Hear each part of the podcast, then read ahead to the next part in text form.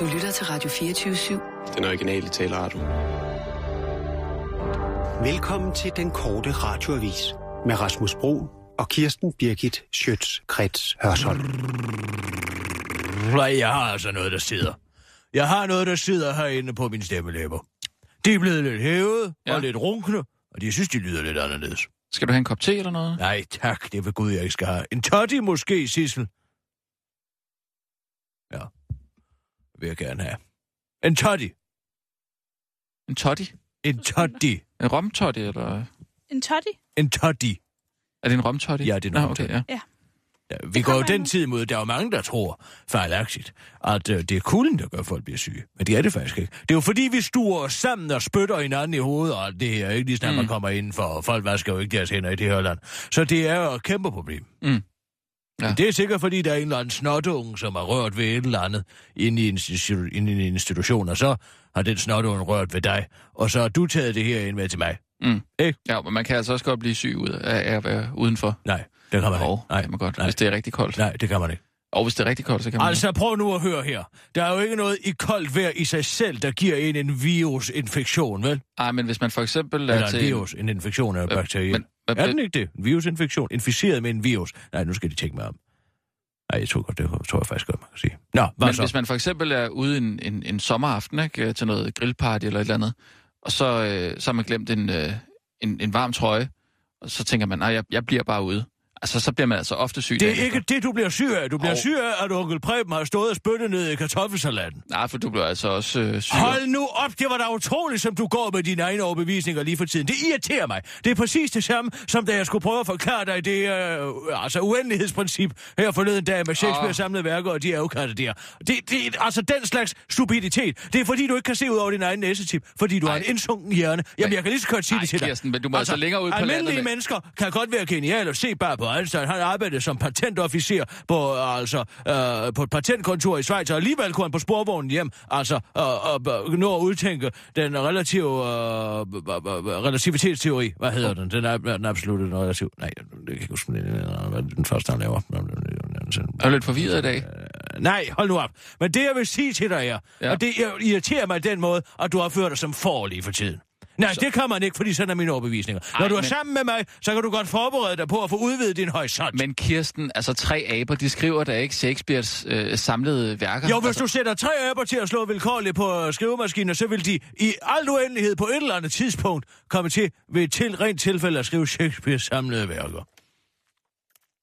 Der vil være en uendelig an, antal gange, hvor de ikke rammer den. Og der vil også være et uendeligt antal gange, hvor det bare er et bogstav, der står forkert. Altså, så skulle de for det første leve uendeligt. Ja, det er jo et hypotetisk tankeeksperiment, din klovn. Så, så, så. Nej, men altså, Bare det er fordi- ærligt Ej, talt det- svært at arbejde sammen med en idiot. Men det lyder altså rimelig usandsynligt, at, at, at Det tre... er jo netop det, der er pointen. Det er rimeligt usandsynligt, men det kommer til at ske. Okay, så siger vi det. Du får ret, jeg får fred. Nej, nu kan du godt. Nu passer du altså på. Hvis jeg en gang til hører dig sige, jeg får ret, og du, du, du, du, får, du får ret, jeg får fred, så får du ind på skrinet. Det er flabet og barnagtigt. Jamen, Okay. Må jeg få et anerkendende? Ja, på den. Ja tak, Kirsten Birke, det skal jeg nok lade være med. På det med aberne der. På at du får ret, og jeg får fred. Og det er for noget børnehave pjat. Jamen, okay, altså... Nej, hold op med at opføre dig som teenager. Jamen okay, altså, nå. Kom så med det. Med hvad? Undskyld, eller hvad skal jeg sige? Undskyld. Du skal bare sige ja tak, Kirsten Birgit, det er forstået. Det er forstået. Godt, kan vi så komme i gang? Men som en 14-årig, der bliver bedt om at tømme Ej, opvaskemaskinen. vil du godt lige... Og så kører vi. Ja. Klar. Nej, du kører bare. Hold din kæft. Og nu, live Det var da et forfærdeligt humør, du er i. Ved du hvad? Her er Jeg korte med dig, jeg skal trækkes med dig. Birgit Schøtzgrads Hasholm. Karl Holsnyt.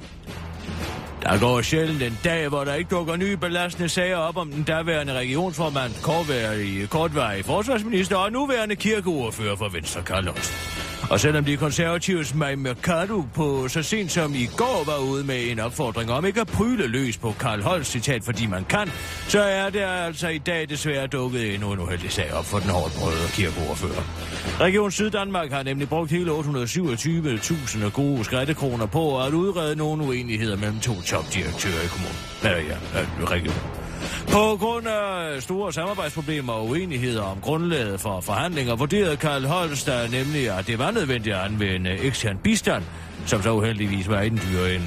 Derudover har regionen også under holdsledelse brugt 340.000 kroner, da man i sidste år forlængede ansættelsen af sundhedsdirektør Jens Ellekær, som Karl Holst i øvrigt gik på jagt med. Men nu stopper det simpelthen. Kan I ikke se, at Karl er rigtig ked af det, udtaler mig Mercado til den korte radioavis og fortsætter ydmygelsen. Karl er, Karl er faktisk super sød, når først man lærer ham at kende, og det er faktisk ikke særlig fedt at blive mindet om, at man ikke kan kende forskel på dit og mit, når man øh, godt ved det i forvejen. Nå, hvad? Er I så færdige? Afslutter skolegårdens duks til den korte radioavis.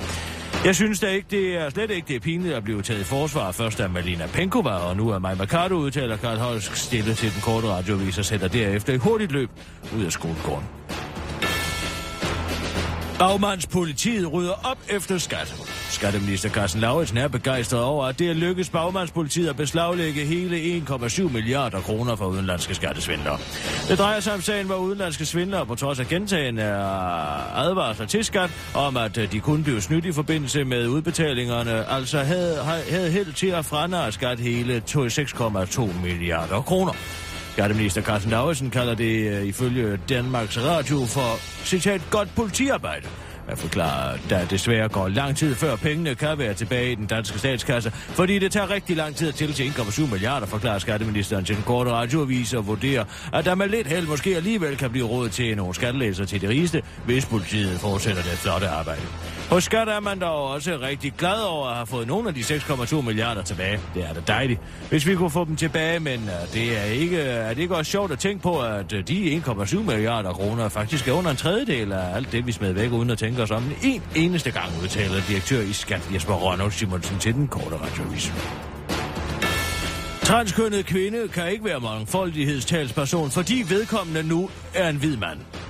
Det lyder måske som en vandet vidighed, der er til formål at pointere absurditeterne i den moderne kønskamp, men ikke desto mindre er det noget, der er sket på Kvindeuniversitetet Wellesley College i den amerikanske stat Massachusetts. Det skriver New York Times. Timothy Boatwright hedder manden, der altså har en vulva, og som er studerende på den førnævnte uddannelsesinstitution, og som ifølge New York Times egentlig følte sig velkommen på universitetet, selvom han identificerer sig som en masculine off-center genderqueer. Det vil sige, lige indtil Timothy søgte stillingen som skolens koordinator for multikulturelle affærer. Så blev de studerende, der skulle vælge personen, opmærksom på, at det at vælge en hvid mand til stillingen blot ville, citat, være med til at holde liv i patriarkatet. Selv da Timothys modstandere, der alle var nærkvinder, droppede deres kandidatur, blev der startet en Facebook-gruppe, der havde til formål at få de studerende til at afstå for at stemme ved valget. Jeg tror egentlig, han ville have gjort et udmærket arbejde, men det føles bare forkert at have en hvid mand i den stilling, siger den studerende bag Facebook-gruppen til New York Times. Og tilføjer, det er heller ikke fordi, øh, det lige er den stilling. Bare det at have en mand i lederstillinger på en institution, hvor det er meningen, at kvinder skal have lederstillinger, er forkert, siger den studerende, der ønsker at være anonym.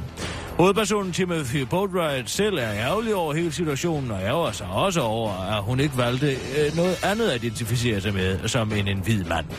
Jeg vidste bare, at jeg skulle have følt mig mere som en overvægtig mønsterbryder og en ghetto kvinde med lidt inka-indianer i blodet, siger han til den korte radiovis. Det var den korte radiovis med Kirsten Birke Sjøtskreds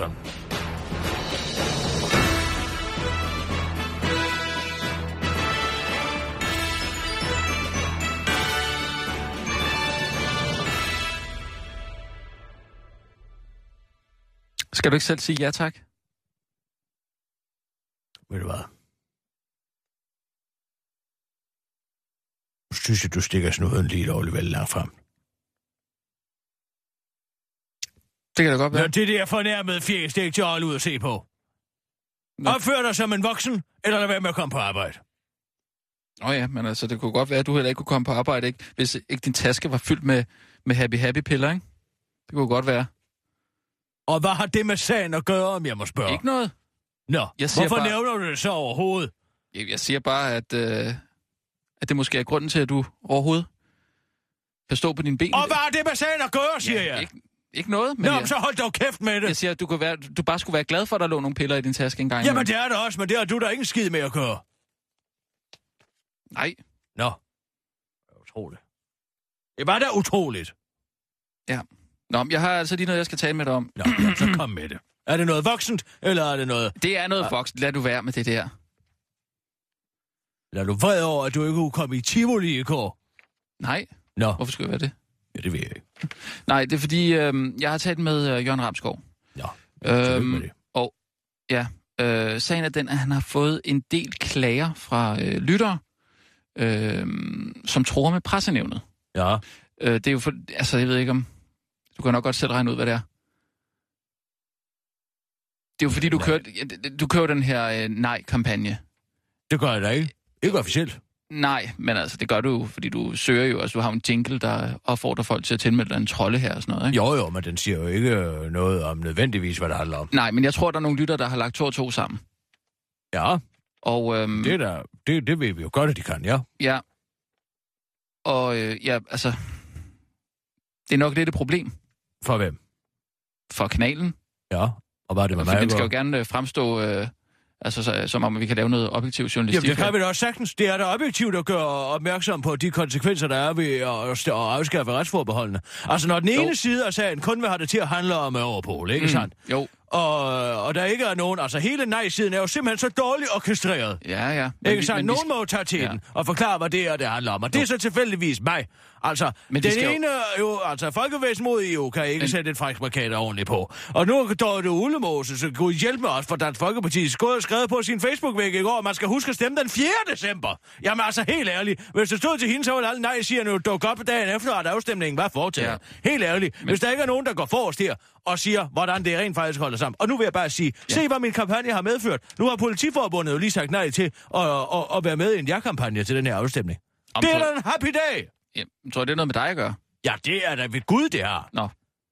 Jamen, men Men altså, det er, politiet er simpelthen blevet træt af at være blevet shanghajet ind i den her valgkamp, så fordi, altså på baggrund af, at det skulle handle om Europol-samarbejdet. Ja. Nu er det gået og sagt, jamen vi kan simpelthen ikke være med til det her, mm. fordi at det handler jo ikke udelukkende om Europol-samarbejdet. Det er os, der, der skal tage skyknapper på, ikke sandt? Og hvis jeg ikke havde gjort det oplysende arbejde, så havde vi stået med et helt politiforbund med Claus, den EU-liderlige og gode venner Lars Løkke, Claus Oxfeldt i spidsen, som har jo lovet Lars, at uh, ja, ja, vi skal nok sige ja, men der er mm. politimændene, ikke? Altså folk nede på jorden er jo været ude og sige, niks, vi vil ikke have med, vi vil ikke, vi vil ikke trækkes ind i det her. ja, men det var også det, jeg sagde til Jørgen. Jeg, jeg sagde til ham, at man er også nødt til at se det lidt mere fra nej-siden. Det var det, jeg sagde til ham. Det sagde jeg faktisk til ham. Nå, jamen fint. Ja, Ja, så er der men- jo ikke noget problem. men- er det fordi, at Jørgen er ved at få røven Men- i maskineriet her, eller hvad? Ja, altså, der er lytter, der, der klager med Men det er jo derfor, han får så høj en løn. Så må han jo tage den. Jamen, det sagde jeg også, han skulle. Fint, så gider jeg ikke høre mere om Nej. det. Okay. Det var da utroligt. Det var bare lige, om du kunne tone det lidt ned. Nej, Nej. Det vil Gud, jeg ikke kan. Nej, jeg kan okay. kraftedeme ikke tone det lidt ned, for det er Danmarks fremtid, der handler om det her. Jo. Og mens at Lars Lykke og Manslingen og øh, justitsministeren render rundt nede på Nørreport og Pør Port, og Ulla Tørnes farer rundt over på Bornholm og advokerer. Hvad gør nej-siden så? De sætter et øh, markat på en palle, som kommer det forkerte sted hen. Ikke sandt? Og. Dorte Ulemose tid og siger, at vi skal stemme den 4. december. Hvad? Er det bliver nødt til at være nogen, der har et overblik her. Men undskyld, siger det ikke også lidt noget om nej-siden? Hvad siger det om nej-siden? Det er Ja, det dårligt, siger, det de er har dårligt en organiseret, fordi, at de, Det siger, ikke at de har, ikke har fordi de ikke har industrien i ryggen. De har ikke virksomhederne i ryggen. De har ikke store private øh, interesseorganisationer i ryggen. Nej, det her det er græsrodsbevægelser, Ja. ja. du. Men det virker som om, de ikke har styr på en skid. Jamen, det har de heller ikke, og det er jo derfor, jeg bliver nødt til at gå ind. Men hvis de ikke har styr på, hvordan man Derfor kan man kamp- godt have de rigtige holdninger. Jamen, det er det, jeg sætter lidt spørgsmålstegn ved. Jamen, det behøves du ikke. Nå. Du er hermed fritaget fra at tænke selv. Nå, okay. Fint. Jamen, det er godt. Ja, men så er det fint. Sissel, vil du være venlig at ringe op til Oborgs Viking? Ah. Og Jeg er faktisk lidt stresset, for vi fik ikke noget angreb i går. Nå, skulle det ikke øh, angribe... øh, Hvad var det? Det er optaget. Dette er voicemail Nå, tilhørende. for helvede. Jeg ringer Nu- bare op, indtil du får Nu, nu ramler hele kampagnen. Der. Ved du hvad? Nej, okay, undskyld. Jeg skal Nu- nok, nu lade, jeg passer skal du nok på. lade være. Undskyld. Jeg indstillede angrebet i går, Ja. fordi vi havde fået dårlige efterretninger om, hvem der havde sagt, at det var en bibeholdelse af status quo. Ja. Hvad var det? Hvad? Hallo? Oberst Viking. Goddag, Oberst Viking. Det er general Birgit her. Goddag, goddag, min general. Goddag, goddag. Hvordan går det?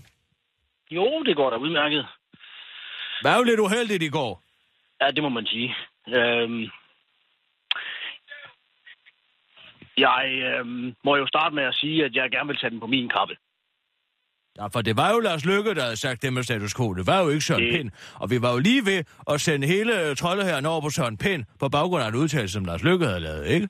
Jo, altså, jeg tror, forvirringen opstod. Vi fik det jo fra en kilde, som vi ikke nåede at tjekke op på.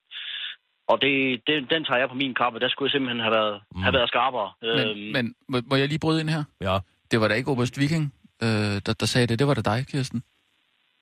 Nej, det var Obers Viking. ja, det, det var mig. Den, det, Nej, det men skulle jeg have du skal ikke tage, tage det på din kappe, ved, altså, hvis det er dig, der har lavet fejlen, Kirsten. Nej, så- altså nu altså siger Obers Viking jo, at han ikke fik tjekket den kilde ordentligt. Jo, men jeg mener Og der bare... må man jo... Han siger det meget roligt, Ja, og meget afklaret, ja. Ja. og meget fattet, ja, at han er kommet til at glemme at tjekke en kilde. ja. Så lad os nu Og bare tage det for gode Nej, varer, Rasmus. Præcis. Ja. Og, og altså, jeg er jo, jeg er jo din oberst. Og uanset hvordan og hvorledes de forholder sig, så er det mit ansvar. Nå, men det forholder sig jo, Jo, sådan, men- som du lige har sagt. Jo, men- Fordi som, Ja, ja, jeg, jeg kan- som jeg erindrer det, så kontakter du mig, Nej. Oberst Viking, og siger meget roligt, og meget afklaret. Mm. og meget fattet, at du er meget ked af situationen. Fordi at du ja. har begået en fodfejl. Præcis, og det har, det har jeg beklaget Men- flere gange overfor. man Nu skal- er jeg også bare lige gøre det her officielt. Ja. Man skal jo ikke tage en fejl på sig, som man ikke har begået. Rasmus, kan du nu ikke bare anerkende, at Oberst Viking har begået en fejl? Jo. Og lad os komme videre i arbejdet. Jamen fint. Ja, tak. Det er Okay, jo, ja, jo. tak. Nå, Oberst Viking, vi har krigsråd. Ja, vi har krigsråd. Og øh, nu var det jo Lars Lykke, har vi jo så fundet ud af, der udtalte sig. Ja, han sagde gang jo, at det, det var, hvad det hedder, nej, og det var op til nej-sigerne og, øh, og forklare, hvad konsekvenserne ved et nej var, fordi at ja-siderne i virkeligheden bare ville bibeholde status quo ved at afskaffe EU-retsforhold, hvordan en verden end, skal hænge sammen. Men altså, det var det. propfyldt med argumentationsteoretisk fejl, altså, som, som man kan næsten starte fra den ende af. Det var, det var jo håbløst. Ja. Men altså, jeg tænker faktisk over noget her, ikke sandt? Fordi mm. måske har det her været en såkaldt appelsin i turbanen. Måske har det været en... Øh, måske har det været held i uheld, kan man sige. At du kom Ja. til at lave den eklatante fodfejl. Ja, Øh, fordi der er jo netop kommet nyt skyts til. Og jeg synes jo, det må man sige. jeg synes helt klart, at vi skal lave et angreb i dag, som også medbringer det her med, at politiforbundet ikke vil gå ind i kampagnen. Ja, jeg synes, den er rigtig, rigtig spændende, den der er kommet ud. Øhm, den øh, ligger jo i den grad pres på, på regeringen, og i særdeleshed Lars Lykke, som jo efter øh, sine har været ude og simpelthen lavet et lobbyarbejde for, altså inden valget blev udskrevet. Ja, for at sikre sig at få politiet med. Man kan jo også se, at hele hans kampagne er jo baseret på altså politisamarbejde. Ikke? Så han ser plakaten, der står hun jo der og vinker hende, den søde politibetjent der med de krydsede fingre bag, bag ryggen. Ja, og nu kommer det jo så frem, at der rent faktisk er øh, et bagland i politiet, der ikke er tilfreds med, at de bliver taget gissel i en, øh, en kampagne for et ja. Når ja. et ja ikke kun har noget med Europol at gøre, som Ja, vi det er jo har det. sagt så mange gange nu. Ja, men der synes jeg, at vi skal, altså fordi at jeg lægger mærke til, at Peter Jørgensen her, som er medlem af Politiforbundets hovedbestyrelse, han siger, øh, det er jo citat, jeg ved ikke, om du har læst den artikel, Jo, men altså, det er jeg. vigtigt, at vi bevarer et stærkt europæisk politisamarbejde, som det Europol i dag står for. Det kan han jo ret i. Det er politiet jo interesseret i. Man skal bare ikke tage skyklapper på og kun forholde sig til Europol. Der står ikke ja eller nej til Europol på stemmesedlen, og afstemningen den 3. december rækker derfor videre en isoleret stillingtagen til det internationale politiarbejde. Og det er jo, altså han er jo ramt en indlødskald, kan man sige. Yes. Altså, det er i hvert fald bare rigtig, rigtig hårde øh, skyts mod, øh, mod ja-siden, det her. Øh, I den grad. Og pointerer jo netop hele problematikken, som, som du og jeg så hårdt kæmper for at få frem i lyset. At det her, det er ikke kun omkring Europol. Og faktisk er det jo ikke engang en afstemning om Europol. Nej. Det er jo, det er jo bare sådan en sideben, der først bliver måske næste år, måske først 17. Jamen, det er jo også, altså, men det ved jeg godt, den, den tror jeg, vi skal køre vente med, til vi tager Søren Pind med i faldet. Altså, men, men der er jo den her med, altså Europol-chefen Robert Wainwright, han er jo ude nu i dag og advarer. Ja, den, Ja, det er nej. den, de alle sammen har delt i dag. Ja, ja-partierne alle har delt den, og der nu, altså, vi ved ikke, hvad der kommer til at ske, og hvis Danmark står uden for det her, så kan det være, at vi ikke vil samarbejde med Danmark og så videre, så videre. Det er jo fordi, det går hen og bliver overstatsligt, det her Europol-samarbejde, og det er uden juridisk præcedens. Men det, som jo er så interessant, og som faktisk også den øh, og, det, og så også dygtig jurist Pernille Skipper fra enhedslisten, og hende er jeg sjældent enig med, men det må man være den her. Han, hun siger jo meget klogt, jamen den aftale, som han refererer til at basere hele sin argument på, den er jo endnu ikke i hus. Man sidder jo stadig og forhandler om, hvordan Europol skal fungere, så han ved slet ikke, hvornår det overgår til at være overstatsligt, eller hvad det kommer til at bevirke. Yes, Men den tager, vi og, til, øh, den tager vi, når vi går ind i den juridisk, øh, den juridiske mere, øh, øh, øh, hvad hedder sådan, juridisk funderede angreb på Søren Pind. For han er jurist. Ja, fordi at, øh, der er jo en masse fine ting også omkring paragraf 20 i grundloven, hvor man kan gå ind og, og fremhæve nogle ting omkring øh, den overordnede problematik ved den her folkeafstemning, Mm. som, øh, som vi også godt kan tage fat i i den, i den sammenhæng. Ja, i den sammenhæng der. Og der synes jeg også, at vi, vi, vi hurtigt kan slå ned på, at det jo altid undrer mig, jeg undrer mig faktisk meget over det stadig til stedighed, hvorfor man ikke bare indgår en politisk aftale om, at hvis man nu skulle gå ind i den her tilvalgsordning, så vil man stadig opfylde paragraf 20, gra- til paragraf 20 grundlovens krav om, at 5 6 dele af Folketinget skal være enige om at overgive suverænitet. Det kunne man jo med lethed have sat ind i en politisk aftale, men det vil man jo ikke, vel? Og Nå, den synes, man vil jo gerne ind. Man vil jo gerne ind. Det er Ja, det, der er det er jo det, der er på sig, og man ved jo godt, at 5 6 dels flertal får man aldrig i dansk folketing. Nej. Men altså, hvorom alting er, Obers Viking, vi skal gå efter fadbamsen i dag. Ja, Simpelthen. Så hvis du skriver et, uh, et oplæg til Troldehæren om, hvad man kan angribe, og med de her citater fra, ja. øh, fra Politiforbundet og så videre og så videre, så tror jeg, vi er på rette vej med et godt angreb. Så lad os tage, altså status quo er øh, første trin i raketten, og så tager vi det her politisamarbejde hen som en sidste svirp med halen. Det er en aftale. Det er godt. Jeg, øh, jeg forfatter og sender. Det er dejligt, Obers Viking. Så må du have en god dag. Jeg er lige over. Hej hej. Hej. Altså, der er bare noget, jeg ikke forstår. Ja. Jeg skal selvfølgelig ikke blande mig, øh, men, men altså, er det ikke et problem, hvis... Altså, jeg synes bare, jeg så, at vi bliver sådan et... Vi får sådan B-medlemskab af EU. Jamen, der er jo ikke nogen, der ved, om det er tilfældet endnu, fordi den aftale, han baserer hele den udtalelse på, den eksisterer ikke, den er til forhandling. Så Jo. han kan jo komme ud og sige, hvis og hvis min røv er spids, Men... Men- nok så mange gange. Men hvad har... Hvad har okay, så lad Men mig sige snakker vi det. kun Europol nu, eller hvad? Snakker det hele? Nej, nu snakker vi Europol. Du tænker på Europol-chefen. Nej, jeg tænker bare sådan, er det ikke bedst at sidde med der, hvor beslutningerne bliver taget? Jamen, der er der masser af lande, som samarbejder med Europol, som ikke er med ved bordet. Men snakker du kun om Europol nu, eller snakker du hele pakken? Ja, nu snakker jeg om den undskyldning, som altså de danske politikere, jeg siger, de vil have, vi skal tro på, mm. nemlig, at det hele det går op i, om vi kan være med i det her Europol-samarbejde eller ej. Ja, ja. Okay. Kan vi ikke tage nogle nyheder? Vi Jo, jo, jo, jo, jo. Klar, parat, skarp.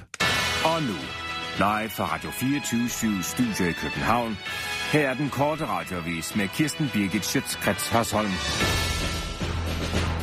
Venstre fjerner politikvinde fra propagandaplakat. Årsagen er, at politiforbundet ikke vil deltage i en kampagne for afskaffelsen af retsforbeholdet, og det skyldes pres fra baglandet.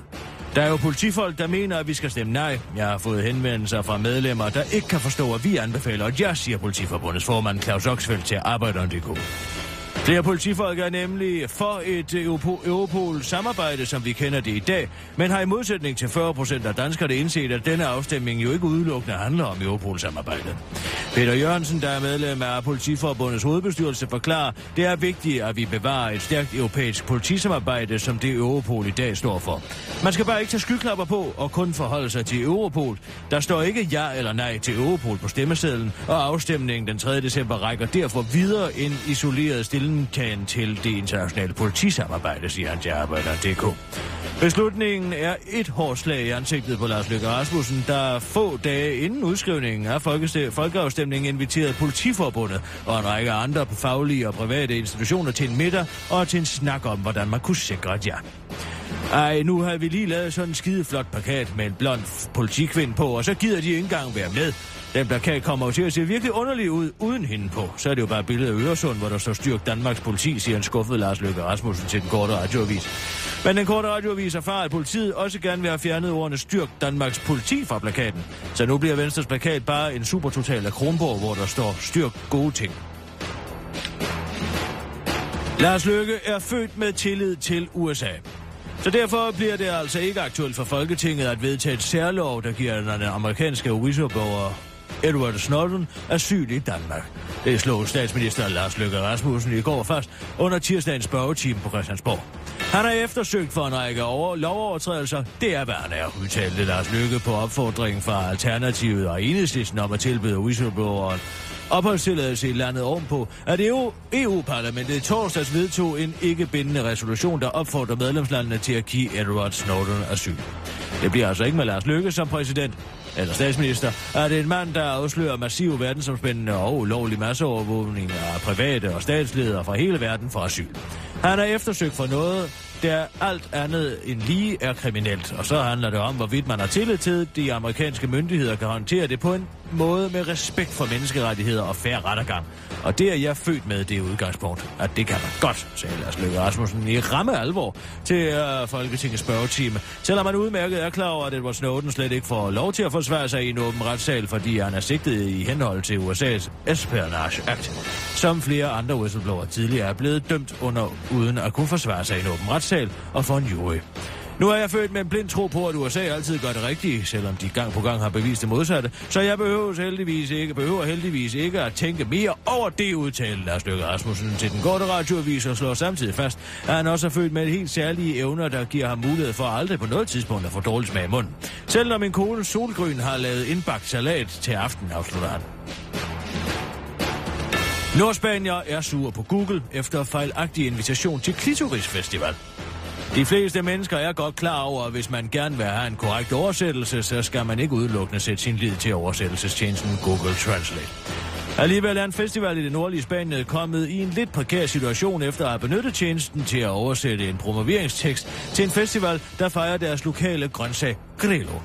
Grelo er nemlig portugisisk slang for kvindens rabalderknap, og derfor er den lille As by As Pontes kom til at invitere hele verden til en klitorisfestival. Klitorisen er en af de typiske afgrøder fra det galisiske køkken, og siden 1981 har festivalen gjort klitorisen til en stjerne i det lokale gastronomi, står der således i annoncematerialet. Fejlen er nu rettet, men det er en skuffet Karl Marten den korte radioavis møder med pakket kuffer derude i Københavns Lufthavn. Nå ja, det er jo en streg i regningen, så tager jeg bare hjem igen, siger han til den korte radioavis. Det var den korte radioavis med Kirsten Birgit Sjøtskrets Hørsholm.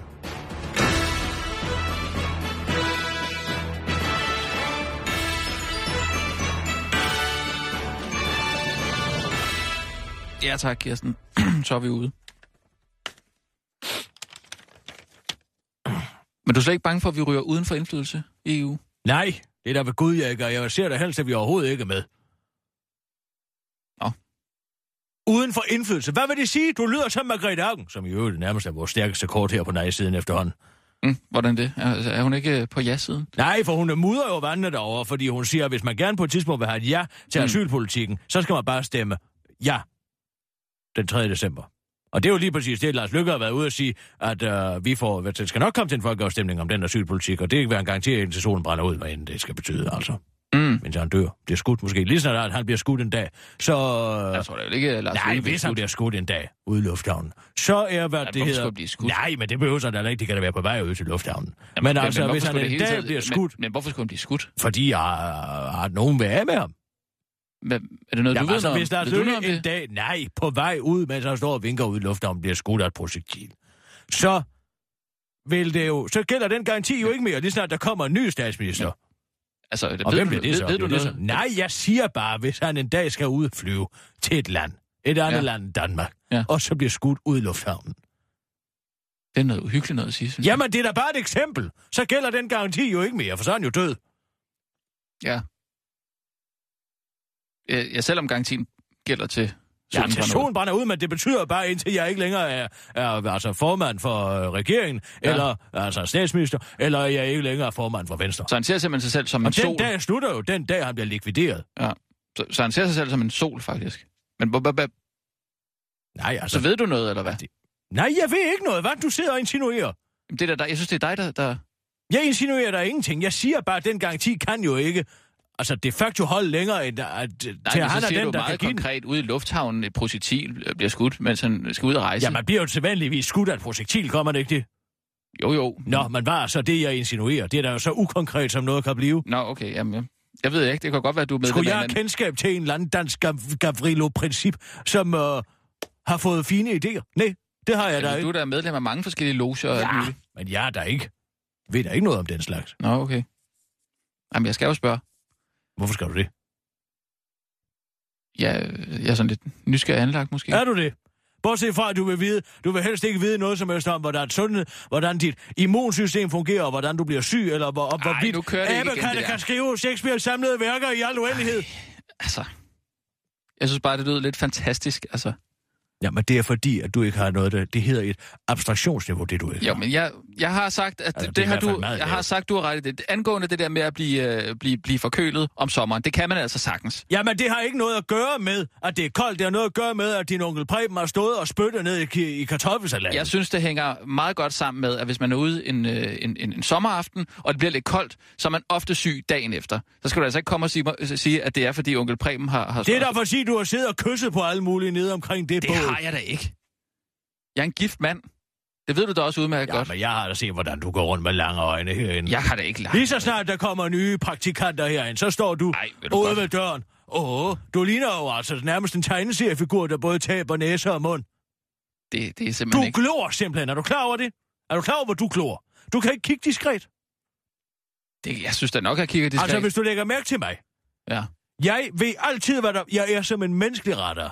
Jeg ved altid, hvad der foregår rundt omkring mig. Jeg ved, altså, detaljer om, hvad folk er på, men du ser mig aldrig glo. Du sidder der med lange... Altså, øjnene på stilke simpelthen.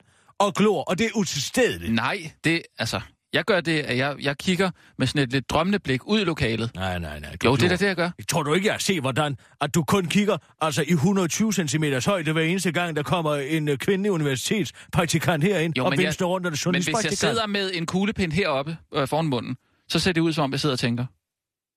Så du kigger altså Nej, på det deres gør jeg numser? ikke. Det siger du Det, da. nej, jeg siger, hvis det var, jeg ville gøre det, så var det sådan, jeg ville gøre det. Men det gør jeg ikke. Så gør jeg sådan her. Du skal være glad for, at uh, du ikke sidder i en retssal lige nu. Så var du blevet dømt skyldig. Og hvad så? Ja, hvad så? Ja, hvad så, hvis jeg kigger? Nå, så kigger du altså. Nej, men hvad så, hvis jeg gør? Det er ikke problemet, at du, ikke, at du gør det. Problemet er, at du står og lyver om det. Så står der ved din liderlighed. Må jeg høre dig sige det? Jeg kigger, jeg er bare lidt interesseret i at se, hvad det er for nogle mennesker, der kommer ind. Ah, nej, nej, nej, nej. Det kan du godt droppe, det der. Jeg er da nødt til at lige at se, hvad det Altså, det er da meget normalt, at man kigger mere på et nyt menneske, end på et, et Jeg gammelt. hedder Rasmus Brun, jeg er en liderbuks. Nej, det får du mig ikke til at sige. Jeg hedder Rasmus Brun, jeg er en liderbuks. Nej, Du kigger da sjovt nok ikke sådan på og Steno. Men dem har jeg også Dem- set, dem, dem- har jeg da set masser af gange før. Jeg Ah, kigger da nøjagtigt øh, på, på Kort og Steno, som jeg kigger på alle mulige andre nye praktikanter, der kommer ind. Nye praktikanter. Ja, for eksempel. Andre nye praktikanter. Altså Korto og Steno er jo ikke praktikanter herinde. Nej, men altså, jeg vil bare sige, at jeg har kigget på dem. Men nu har jeg jo set dem mange gange, så behøver Så jeg du har altså siddet med et drømmende blik og din kuglepind op foran munden, mens du har siddet og dagdrømmet om Torben Steno. ikke... Ja, det, jeg, jeg har jo ikke siddet og dagdrømt om ham. Men jeg har da muligvis kigget på ham sådan, ikke? Og, altså, for lang tid siden. Jeg ved ikke, hvad det er, jeg siger. Åh, oh, nej, nej.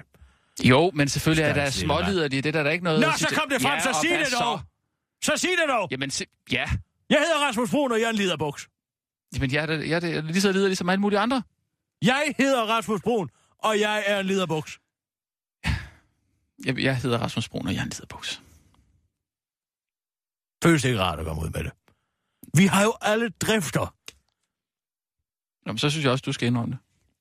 at være... Altså, jeg har jeg siddet herinde masser af gange og, og forkyndt, at jeg er en hedonist. Jamen, så jeg, kan, har du da bare, taget, så kan du da bare sige jeg det. har taget en ordentlig slurk af livets glæder. Jamen, Så så, skal man ikke være i tvivl så om. kan du da sige det. Og jeg har også været sammen med Sten, Sten Tusindpæk inde på det her nyhederne. Ja, Ja, hvad? Sten Bostrup. Hvad kan du om? Sten Tusindbæk. Det gik han under det navn. Nå, okay. Og jeg forstod det aldrig rigtigt. Fordi det er jo ham. Han, han var en rigtig womanizer, så siger han nogle fyre. Han er også Mm. virkelig en flot mand. Ja. Altså virkelig. Det hår, han havde jo sådan et særpræget, nærmest et indhak. Altså en tænding.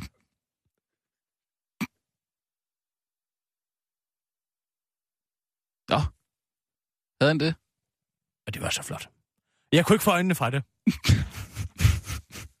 Lad dig være at grine af mig. Ja, jeg kan bare lige se det for mig, Kirsten. det må du undskylde. Ja, så er det bedre at sidde der og glo på praktikanter, eller hvad? Nej, kraftedeme. Huh, er der ellers sket noget? Er der ellers sket noget? Ja, god fanden er der sket noget. Ved du hvad? Ved du, hvad du er? Jeg sidder sgu da ikke og griner af dig. Nej, men du griner da også meget sjældent. Jamen, det er fordi, du ikke er morsom. Synes jeg er lidt voldsomt. Altså, jeg, jeg spiller da trods alt sidder, en vis du sidder her, jeg, sidder, jeg, jeg prøver at få dig til at bekende, at du er en liderbuks. Og det har du bekendt, og nu har du fået opnået en katarsis. Sig, jeg har opnået en katarsis, for det ved jeg, du har. Jeg kan se, du er mere lidt endnu. Og så fortæller jeg dig om mine oplevelser med Sten Tusindbæk. Men jeg er slet ikke interesseret i at høre dem. Jeg vil hellere høre om, om, om der ellers er sket noget ude i verden. Og det må gerne være noget, der ikke har med EU at gøre. Og så bliver jeg grint af. Hvad? Ja, og så bliver jeg grint af. Nej, jeg træk på smilebåndet. Nej, det gjorde du ikke. Du lå. Og ved du hvad? Bare fordi du kun har set ham, det er fordi du er så ung. Du så ham ikke dengang. Dengang var han... Oh. Jeg må jeg lige se et billede af ham engang. Men du kan se det hak, han har ind. Altså, den tinning. Fantastisk tinning. Og han havde altid altså en måde at forsere sig på. Som var vidunderlig. Mm, Nå, Gud, ja. nogle gange kan jeg godt finde på at bare se gamle nyhedsudsendelser. Altså gamle tv-avisen. Han var faktisk rigtig pæn som. Ah, simpelthen. Han er da en pæn Han mand. kunne sætte skød i brand. Det sagde vi altid. Nu kommer. Nu, nu kommer sten, nu brænder skødet. Hold da fest. Skal vi gå? Du kører bare. Jamen, det var da alligevel... Og nu, live fra Radio 24 Studio i København. Her er den korte radiovis med Kirsten Birgit Schøtzgrads Hasholm. Ulla Tørnes tager modig diskussion med værdige modstander. Medlemmet af EU-parlamentet for Venstre og tidligere idékvinde bag den vidunderlige gymnasiereform Ulla Tørnes er gået i offensiv mod nej-sigerne på Solskinsøen Bornholm. I den forbindelse har Ulla valgt at bevæge sig langt ude for sin komfortzone komfortzone og underlægge sig befolkningens hårde spørgsmål vedrørende den mulige afskaffelse af Danmarks retsforbehold ved folkeafstemningen den 3. december. I en video, Ulla har lagt op på sin Facebook-side, viser hun, at hun i hvert fald ikke er bange for at stå på mål for de mange kritikpunkter, befolkningen har i forbindelse med ja-kampagnen. Jeg ved, jeg har mine argumenter i orden, og kan svare på alle de meget svære og tekniske spørgsmål, der er i forbindelse med den her afstemning.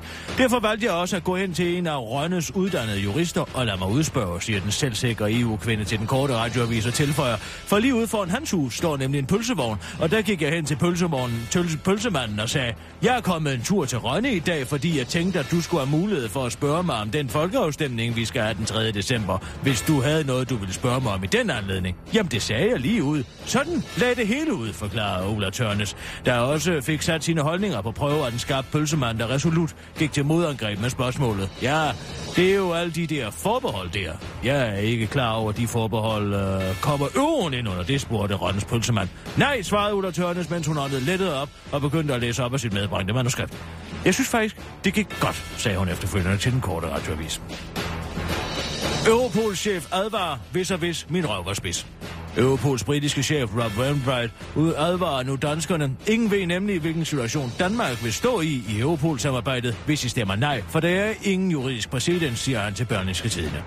Årsagen er ifølge Wainwright, at Europol fra næste år overgår fra at være et mellemstatsligt samarbejde til et overstatsligt samarbejde, og derfor vil Danmarks deltagelse i sin nuværende form ophøre med at eksistere ved et nej til afskaffelsen af retsforbeholdene.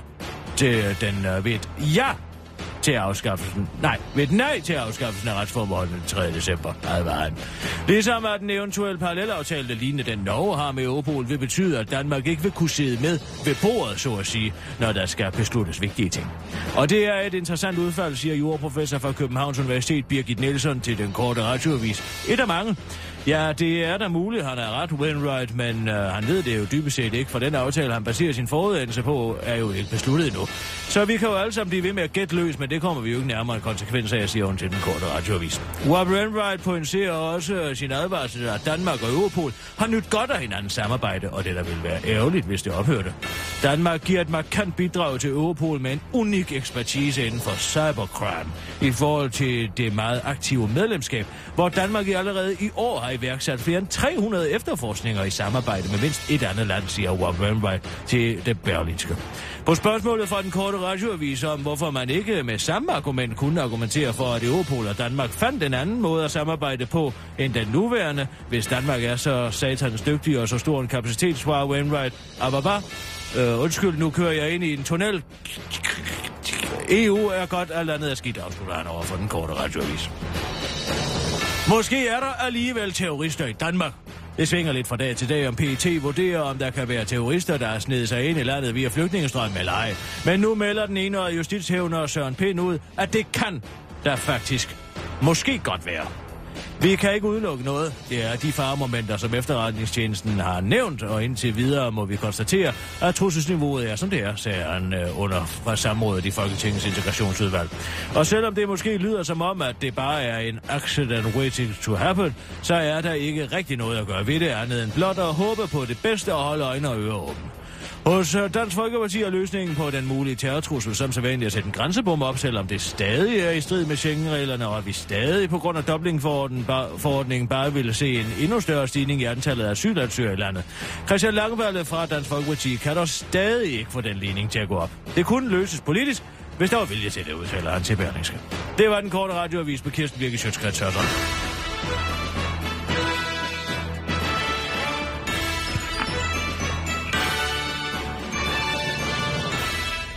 Ja tak, Kirsten. Hvad er det, du kommer der med? Det er det en er- tørti til mig? Ja, det er det nemlig. Ej, hvor godt. Så kan jeg lige få stemmen lidt op igen. Mm-hmm. Og så Og er hentede det jeg der? noget kage. Det tænkte jeg, det kunne I godt have brug for. Det er kage, ja. Er det noget, vi fejrer? Vi har heller ikke fået kage i over en uge, Hvad er det for en kage? Nej, det er jordbærkage. Det er jordbærkage. Ej, sådan en kan jeg faktisk godt lide. Ja, Jeg har det nu det, tænkte. sædvanligvis ikke en sød tand, men jordbærkage, det bliver ikke mere dansk end det, det har jeg altid sagt. Det er faktisk en af mine yndlingskager. Nå. Fordi det er en masserin tært i bunden, og så jordbær ovenpå. Og det er, det Så er den jordbærkage, som ikke har, har, har husblas rundt om. Ja, det er, lige. Ja, så sørgede jeg for, at du fik en uden nød, Kirsten. Ej, hvor godt. Du er nu sådan en betænksom pige. Men er der så ikke masserin på det din, eller hvad? Nej. Det er der ikke. Hvad er den så lavet på? Hvad den er lavet på? Ja, altså, masserin, det der, du nødder, ikke? Prøv at høre her. Den er lavet på en ganske almindelig lavkagebund. Nå. Har du set Ulla Tørnes i klins med pølsemanden der? Hun har selv lagt den op. Ej, jeg elsker jordbærkage. Hold nu lige kæft og kom herover og se det her. Mm. Sissel, skru lige op for højtalerne her. Mm. Hvad så? Ja, altså lyden er jo elendig. Det er utroligt, at de kan finde på at lægge alt det lort op, de politikere. Så find dog nogen, der kan redigere det lidt, eller så er en lydmand med, eller et eller andet. Jeg tænkte, at du skulle have mulighed for at spørge mig om den folkeafstemning, som vi skal have den 3. december, hvis du havde noget, du ville spørge mig om i den anledning. Jamen, det er jo alle de der forbehold. Ja. Og øh, jeg er ikke klar over, at de forbehold kommer euroen, euroen ind over billedet der, eller noget.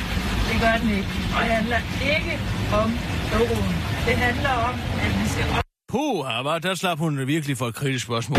vores retsforbehold fra et, øh, til en tilvalgsordning. Jeg kan holde ud at se på det. Jeg kan simpelthen ikke Ej, holde det, det det ud. skrætter godt nok noget. Holder der en Ja, lastbil? men ved ikke nok med det. Men så vælger man, og, altså, man slår sig op på, at man tager ud og, og, og, og giver befolkningen lov til at stille en kritiske spørgsmål. Så vælger man kunne hjælpe med at gå hen til en pølsemand og spørge om, hvad han har bekymringer i forbindelse med afskaffelsen af de danske EU-retsforbehold. Hov. Og det har intet at gøre med, at han er pølsemand. Men man kunne gå ind til en jurist, eller en eller anden, der havde en lille smule forstand på det, eller spørge, ved du noget om det, er du overhovedet interesseret i det? Det er han tydeligvis ikke. Nu bliver han bare chanceret til at være statist i hendes lille uh, promotion-video. Der findes der masser af kloge pølsemænd. Det var da utroligt med dig. Hvad nu? Jamen, den politisk korrekthed, du lægger for dagen, er der ikke til at holde ud. Kan vi blive enige om, at juraprofessorer i gennemsnit har en højere indsigt i, hvad det her det kommer til at betyde, end en pølsemand har? Jo, men man kan jo godt have en vis livsindsigt, når man står i en pølsevogn og taler med så mange forskellige mennesker, ikke? Ja, fordi det er jo den ene Nobelprismodtager efter den anden, der kommer ind og bestiller en fransk hotdog, eller hvad? Der kommer mange mennesker. Det er en bevidst strategi fra jeres siden, det her. I går så du dem nede på Nørreport station, mandslingen. Hvem er Christian, Madsling? ja, Christian Jensen Ah. og øh, Lars Lykke og Søren Pind står dernede. Hvorfor vælger man Nørreport station? Det er der, hvor danskerne har allermest travlt. De farer rundt, de skal ud og hente børn og det ene og det andet. Så, kan, så, så, så er man da i hvert fald helt sikker på, at man ikke får et kritisk spørgsmål. Jamen, hvad gør nej-siden? De sidder her. Jo, men altså, sådan den politiske nej-side.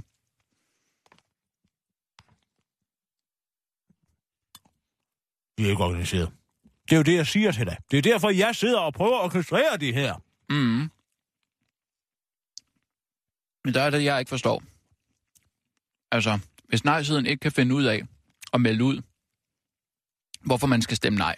Hvis de er så uprofessionelle, så kunne det jo også godt være, at den ikke helt kørte derop, ikke? Har du tænkt over det? Tænk Vil du sige, at den kører på mig? Ja, Vil du sige, at den kører derop på mig? den kører på dig. Hvad synes jeg om det her? Du synes, vi skal stemme nej. Ja, det gør jeg. Nå. Så lad være med at prøve at, at underminere argumentet på den måde, bare fordi der sidder nogle udulige mennesker på nej-siden, som ikke kan finde ud af... Jamen, er det ikke lidt mærkeligt, at det er alle idioterne, der vil stemme nej? Det er da ikke alle idioterne. Alle idioter er dem, der bare stemmer, som de får betalt for, for, for, for, for, for prædiket. Man skal så stilling til. Alle idioter, det er dem, der tror på, at det her det handler om Europol-samarbejdet. Men altså, Alternativet stemmer jo ja. De anbefaler ja. Ja, tak. Og det er der nogle... Der har du den. Hvad? Ja, der har du den. Der har jeg været. Det er da den politiske lakmustest, der vil noget. Du kan godt selv høre det. Alternativet stemmer ja. Ja. Det er altså, vi har at gøre med et parti, der sidder og bryster sig af, at de endelig har fået færdiggjort deres klimapolitik. Jamen, de er da også et helt nyt parti, altså. Ved du hvad? Det er da de er da det eneste, der tager klimaet alvorligt. På hvilken måde? Ved at sidde og lave en Facebook-video? Nej, men... Og afbestille blade? Tidsskrifter? Og det skal sgu nok blive fedt af nærerne. Ja. Hvad skal det betyde? At det forslår som en skrædder i helvede. Hvorfor fik vi egentlig kage til? Det er fordi Sissel har et godt hjerte. Jeg tænkte bare, at det ville være meget godt til jer. Nå, okay, der er ikke nogen anledning. Du har ikke fødselsdag eller noget? Nej. Jamen, det var dejligt. Har du set, har du hørt, at uh, uddannelsesministeren er pyntet på sit CV? Jeg så godt Og det er noget. faktisk ærgerligt, for jeg havde faktisk lige sympati med ham i fem minutter i går aftes. Fordi, øh, Lunde? Ja, fordi det kom jo frem, ja, fordi vi breakede den. Jeg var faktisk Christoffer Siler, der breakede den. Ja, hvad? Hvem? Jeg var Christoffer Siler. Jeg havde lavet et interview og fundet ud af det der med, at han rent faktisk havde været i, altså han havde været til finanslovsforhandlinger. Der var det her med Københavns Universitet. Han var jo inviteret ud til et møde, røvsygt møde med nogle studerende ude på uh, Humbas, ude på, uh, ude på Københavns Universitet. Ikke sandt? Så sagde han, jeg kan ikke komme, jeg skal til finanslovsforhandlinger. Så finder de et billede af ham senere, hvor han er i biografen. Skal mm. de bare, er det sådan for, han, for finanslovsforhandlinger, du? Du ved, ligesom, Ja. ja. ligesom fornærmet, som du var i begyndelsen her, hvor jeg i rette sat dig, ikke? Du ved sådan, ma, ma, ma, du ved, den der, ikke? Og man er aldrig kan, og hele tiden føler sig lige jogget over fødderne, træerne, træerne.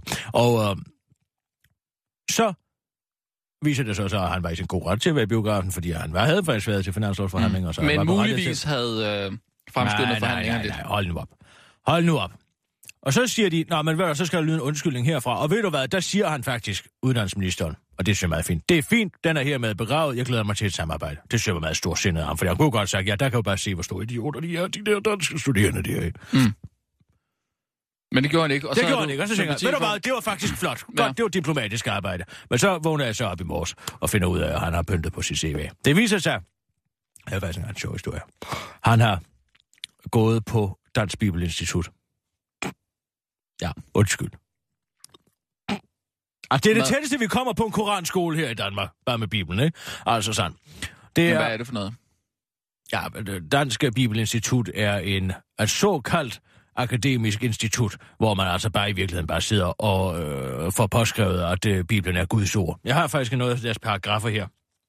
Jamen, er det sådan noget indre mission, skal du have? Ja, ja, ja. Nu skal du se her. Ja, det er faktisk morsomt. Men er- en indre Jeg har taget et billede af det. Prøv lige at vente. Ja.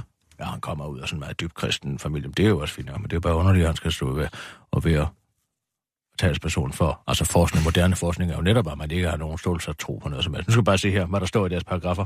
Det er deres grundlagsparagraf. DBI, Dansk Bibelinstitut, bygger sit virke på de bibelske skrifters kristusvidnesbyrd og på det skriftsyn, at Jesus og apostlene havde, og som de bibelske skrifter selv giver udtryk for. 1. Bibelen er Guds ord, givet mm. ved Helligåndens inspiration, fuldt troværdig og urokkelig helt igennem, og er uh, skilleligt Guds ord og menneskeord.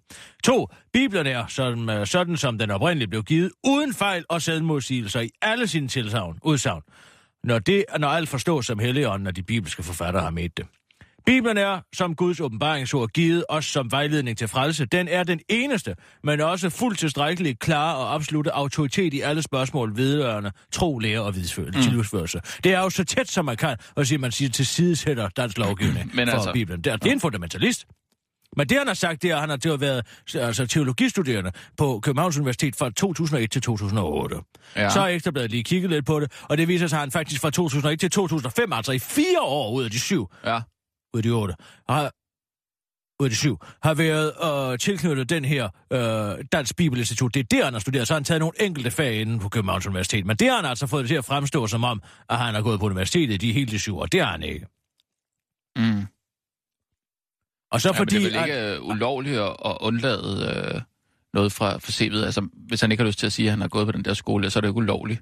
Nej, det er ikke ulovligt at undlade noget fra et CV, men det er ulovligt at påstå, at man har gået et sted, hvor man ikke er gået. Han har ikke været indskrevet på Københavns Universitet fra 2001 til 2005. Så har det ikke været indskrevet? Nej, han har ikke gået der. Han har taget nogle enkelte fag.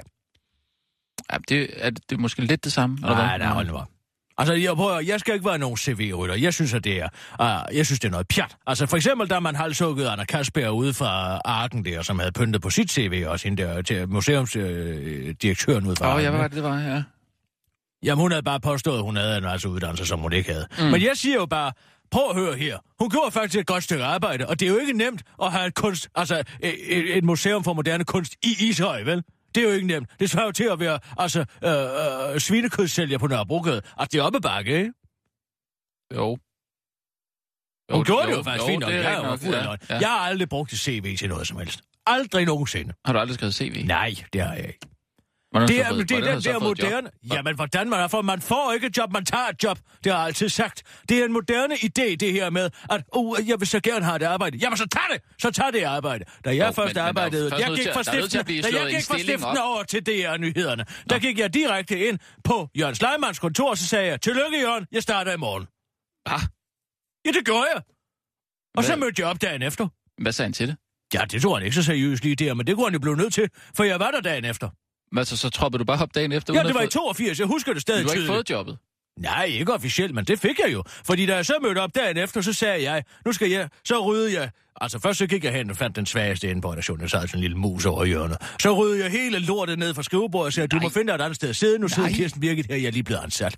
Så satte jeg mig ned der, og så sagde jeg til Lone Kylmann, du kan godt vente dig. I aften kommer der en analyse af, altså valget i, uh, til kansler i Vesttyskland, det var 82. Og så sagde jeg, jeg skal nok lige forklare dig, hvorfor Kohl bliver kansler.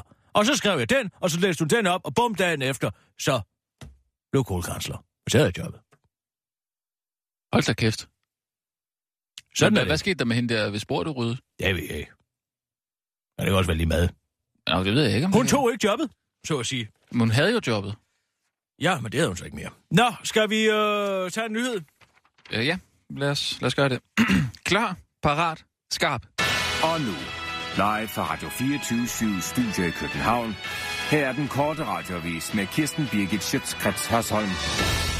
Radikaliseret fundamentalist har infiltreret den danske regering. Den største frygt er blevet til virkelighed. En radikaliseret fundamentalistisk troende har ved hjælp af svig fundet vej helt ind i magtens korridorer.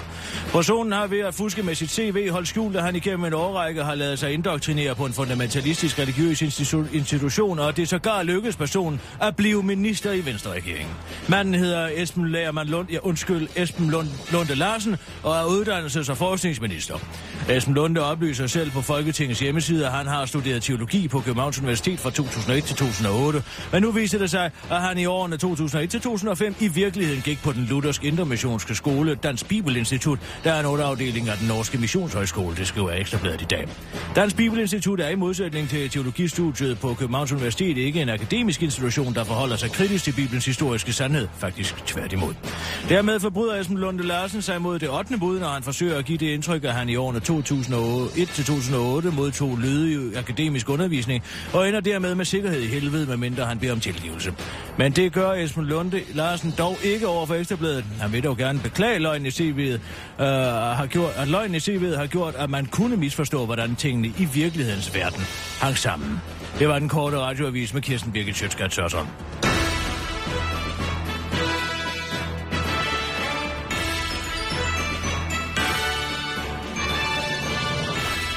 Ja, tak, Kirsten.